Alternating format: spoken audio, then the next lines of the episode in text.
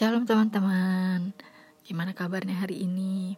Nah hari ini tadi kan aku udah sharing lewat Zoom. Nah aku kasih rekaman suara juga buat teman-teman yang belum mendengarkan sharing hari ini lewat Zoom Yang gak bisa ikut uh, join lewat Zoom.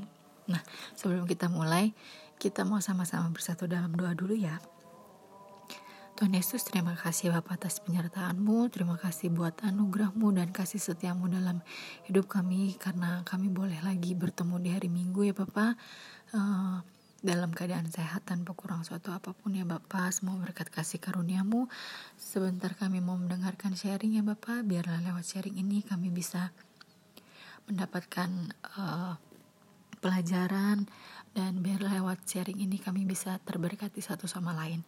Kami siap untuk mendengarkan sharingmu di dalam nama Tuhan Yesus. Kami berdoa dan mengucap syukur. Haleluya. Amin. Nah, minggu ini aku mau bahas tentang Yusuf masih seperti dua minggu sebelumnya yang udah ngebahas soal Yusuf. Nah, di sini aku mau bahas dari kejadian 42 sampai kejadian 50. Nah, yang pertama itu ketika di kejadian 42 ketika kelaparan melanda negeri, Yakub itu mendengar kalau di Mesir itu tuh banyak gandum. Nah, terus akhirnya Yus, uh, Yakub menyuruh anak-anaknya untuk pergi ke Mesir. Nah, ketika anak-anaknya Yakub sampai di Mesir, di sana tuh ada Yusuf. Dan Yusuf mengenali mereka, tapi mereka tidak mengenali Yusuf. Kenapa Yusuf di Mesir? Karena di Mesir itu Yusuf menjual gandum. Jadi saudara-saudara Yusuf itu datang ke Mesir untuk membeli gandum dan membelinya tuh kepada Yusuf. Tapi ketika uh, saudara-saudaranya datang, Yusuf itu kan mengenali nih, tapi dia uh, berpura-pura untuk tidak mengenali mereka. Nah, Yusuf malah menuduh kalau mereka itu mata-mata. Yusuf tuh mau menguji dan uh, meminta agar saudara-saudaranya uh, membawa saudara mereka yang ada di Kanaan ke Mesir. Kenapa dilakukan seperti itu? Karena uh, Yusuf mau menguji hati saudara-saudaranya.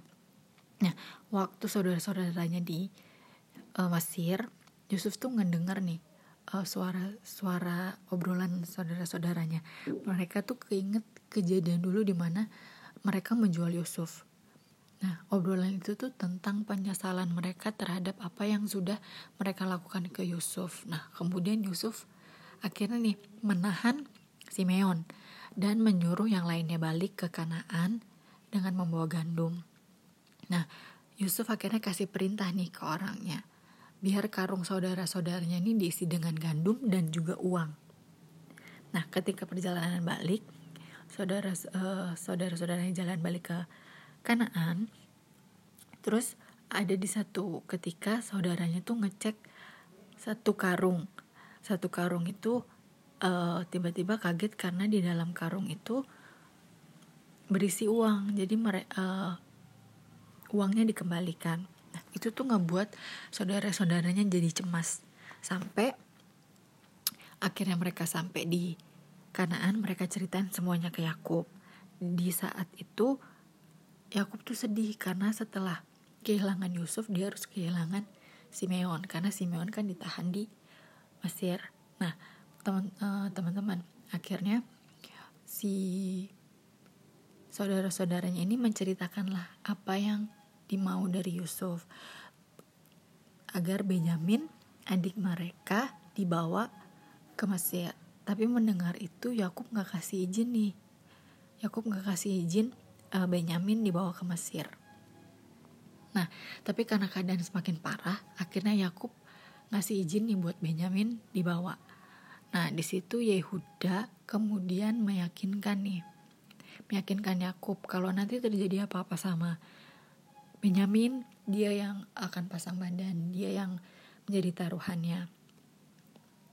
Akhirnya mereka pergi semua dengan Benyamin balik lagi ke Mesir ketika Yusuf ngelihat saudara-saudaranya datang, dia ngerasa terharu dan Yusuf pun akhirnya ngajak saudara-saudaranya buat makan. Nah setelah mereka makan, uh, sebelum mereka semua balik balik ke tempat mereka mereka pulang Yusuf tuh meminta lagi nih ke hambanya uh, buat mengembalikan uang ke dalam karung mereka masing-masing dan menaruh piala Yusuf ke dalam karung Benyamin.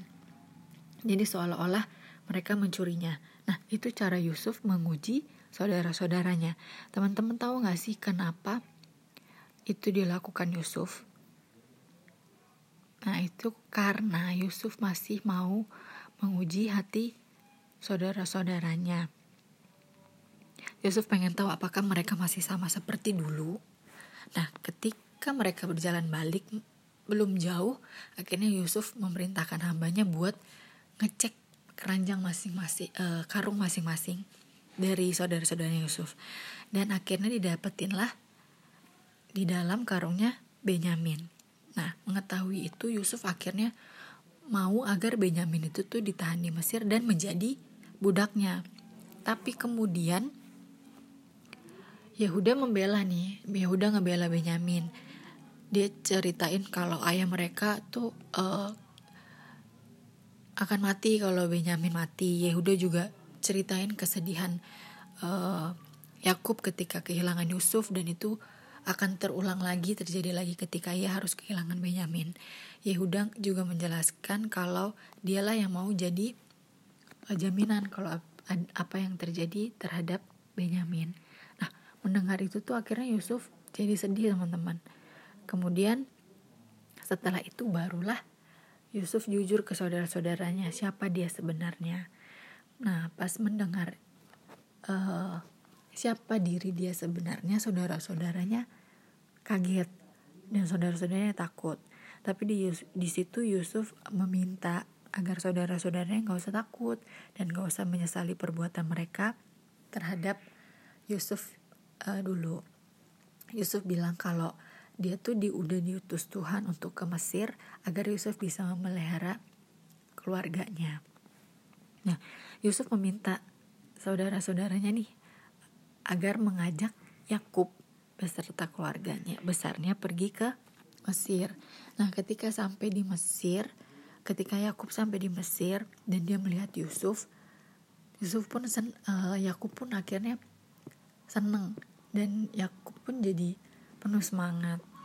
Nah, dari situ kemudian si Yakub mengajak si Yusuf mengajak uh, apa Yakub untuk uh, bertemu Firaun. Nah, di situ Yusuf meminta izin nih uh, agar mereka bisa tinggal bersama-sama dan mereka pun ditempatkan di tempat terbaik teman-teman. Mereka ditempatkan di Goshen. Nah, Yusuf habis itu Yusuf mendengar kabar nih bahwa Yakub ayahnya sakit. Lalu Yusuf mengajak istri dan anak-anaknya untuk bertemu Yakub. Nah, setelah itu Yakub memanggil anak-anaknya, mengumpulkan semua anak-anaknya dan Yakub pun memberkati semua anak-anaknya. Nah, setelah memberkati semua anak-anaknya, Yakub akhirnya meninggal. Yusuf dan saudara-saudaranya sangat berduka ketika uh, Yakub uh, harus meninggalkan mereka. Nah, akhirnya mereka menguburkan ayah mereka di Gua Makpela nih. Dan setelah menguburkan, uh, ayahnya mereka semua kembali ke Mesir. Nah, di sini saudaranya-saudaranya Yusuf tuh takut teman-teman. Kenapa takut? Karena mereka takut uh, Yusuf membalas dendam ke mereka ketika ayah mereka sudah meninggalkan mereka. Tapi tentu itu nggak dilakuin Yusuf ya ke saudara-saudaranya. Karena Yusuf sudah mengampuni mereka. Dan lewat kejadian dululah akhirnya Yusuf bisa memelihara dan memberkati keluarganya. Mereka semua bisa tinggal bersama sampai akhirnya Yusuf meninggal di usia ke-110 tahun. Nah, teman-teman, dari cerita ini aku ada ambil tiga poin. Nah, yang pertama poin pertama itu hidup penuh kasih tanpa dendam. Nah, kita pasti pernah kan ngerasa punya rasa dendam kalau misalnya dijahatin temen atau ya ada orang yang jahatlah sama kita tapi apa balas dendam itu boleh Nah, coba kita lihat di pasal yang ke-42, di mana di situ diceritakan kalau Yusuf ketemu saudara-saudara yang menjual Yusuf. Kalau sebagai orang yang gak punya hati, tentu Yusuf bisa jadi orang pendendam kan? Tapi di sini Yusuf malah sebaliknya. Dia sama sekali tidak dendam ke saudara-saudaranya. Hidup dengan rasa dendam juga tuh gak akan sejahtera teman-teman. Kita gak akan nyaman uh, untuk menjalani hidup kita karena kita punya rasa dendam itu. Dan udah pasti Tuhan juga nggak suka sama hal itu karena itu bukan cara Tuhan. Jadi sejahat-jahatnya orang sama kita kita harus tetap punya kasih buat orang itu dan jangan membalasnya. Nah gak gampang pasti ngelakuin itu tapi percaya deh uh, ketika kita hidup jauh lebih damai kita bisa lebih mengasihi orang-orang yang ngejahatin kita. Karena memang begitu yang Tuhan mau di dalam kehidupan kita. Sama nih sama Yusuf. Meskipun Yusuf punya kesempatan untuk membalas dendam ke saudara-saudaranya tapi itu nggak Yusuf lakuin. Yusuf malah membawa mereka ke kehidupan yang lebih baik dan memberikan mereka segala kemuliaan. Nah poin yang kedua adanya perubahan menjadi lebih baik itu ada di kejadian 44. Nah, poin yang kedua itu kita bicara soal perubahan yang namanya perubahan itu bisa jadi baik atau malah sebaliknya atau malah gak berubah sama sekali. Tapi di sini yang mau aku bahas itu lebih ke perubahan yang baik. Seperti yang kita tahu bahwa Yusuf itu tuh pengen tahu kan saudara-saudaranya ini udah berubah apa belum? Apakah saudaranya masih sama seperti dulu waktu menjual Yusuf? Nah, yang namanya perubahan itu pasti harus dibuktikan dengan tindakan kan? Ya kita kan gak mungkin bisa menunggu tanpa adanya perbuatan atau tindakan. Sama nih sama saudara-saudara Yusuf. Mereka menunjukkan perubahan itu lewat tindakan mereka terhadap Benyamin ketika di keranjang Benyamin ditemukan piala dan Yusuf mau agar Benyamin menjadi budaknya walaupun Yakub memperlakukan Benjamin itu tuh sama seperti memperlakukan Yusuf. Kasih sayangnya sama seperti Yusuf lebih dari saudara-saudaranya mereka tidak lagi membenci. Melainkan mereka berusaha untuk melindungi Benyamin saudara-saudaranya berusaha untuk uh, membawa kembali Benjamin ke ayah mereka. Jadi perubahan itu bisa terjadi ketika diri kita sendiri mau bertindak untuk berubah. Nah, poin yang ketiga itu menjadi berkat. Yusuf menjadi berkat buat keluarganya. Ada di kejadian 47. Yusuf tuh nggak peduli dengan apa yang sudah saudara-saudara yang lakuin terhadap dia dan nggak peduli akan kesalahan uh, saudara-saudaranya terhadap Yusuf yang dulu. Yusuf tetap memelihara keluarganya karena kita bisa lihat kalau Yusuf ini dipakai Tuhan. Yusuf mampu untuk menolong dan menopang saudara-saudaranya.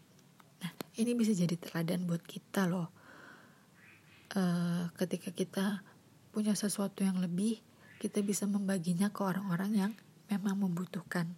Sama seperti Yusuf yang diberkati Tuhan, ia pun bisa memberi berkat buat saudara-saudaranya. Nah, itu poin yang bisa kita ambil dari seorang Yusuf. Masih banyak lagi yang bisa kita pelajari dari sosok Yusuf, tapi untuk yang cerita ini aku lebih menekankan ketiga poin itu. Hidup tan hidup penuh kasih tanpa dendam, adanya perubahan dan menjadi berkat. Nah, itu aja sharing aku hari ini. Semoga teman-teman bisa nangkep, teman-teman bisa mengerti tentang apa yang udah di-sharingkan hari ini. Semoga lewat sharing ini juga teman-teman bisa terberkati. Nah, sebelumnya kita mau tutup dalam doa lagi ya. Tuhan Yesus, terima kasih ya Bapak untuk sharing hari ini. Kami boleh mendengarkan sharing hari ini Tuhan.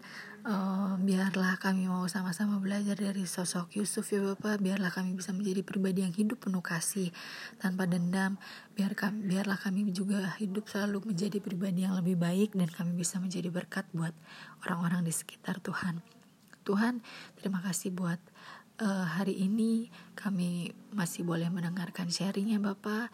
Biarlah uh, apa yang sudah disampaikan boleh mereka mengerti Tuhan. Kami mau melanjutkan aktivitas kami masing-masing. Biarlah engkau pertemukan lagi kami di minggu-minggu berikutnya Tuhan. Uh, dalam keadaan sehat tanpa kurang suatu apa pun. Terima kasih Tuhan. Di dalam nama Tuhan Yesus kami berdoa dan mengucap syukur. Haleluya. Amin. Selamat hari minggu teman-teman. Tuhan Yesus memberkati